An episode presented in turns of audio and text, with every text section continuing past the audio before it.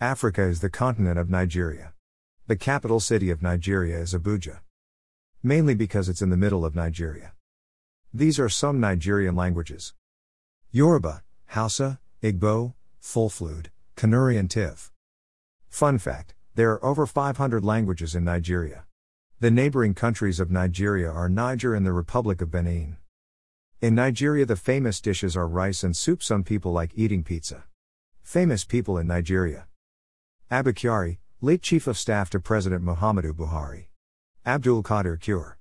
Abdul Rahman Abdul Rasak. Abdul Salami Abubakar. Abiola Ajimobi. Abubakar Olusola Saraki. Abubakar Tafawa Balewa, Prime Minister of Nigeria. Adebayo Alao Akala. Abubakar Tafawa Balewa was the Prime Minister of Nigeria.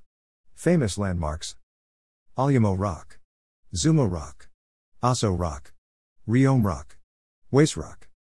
Zuma Rock is the biggest rock in Nigeria.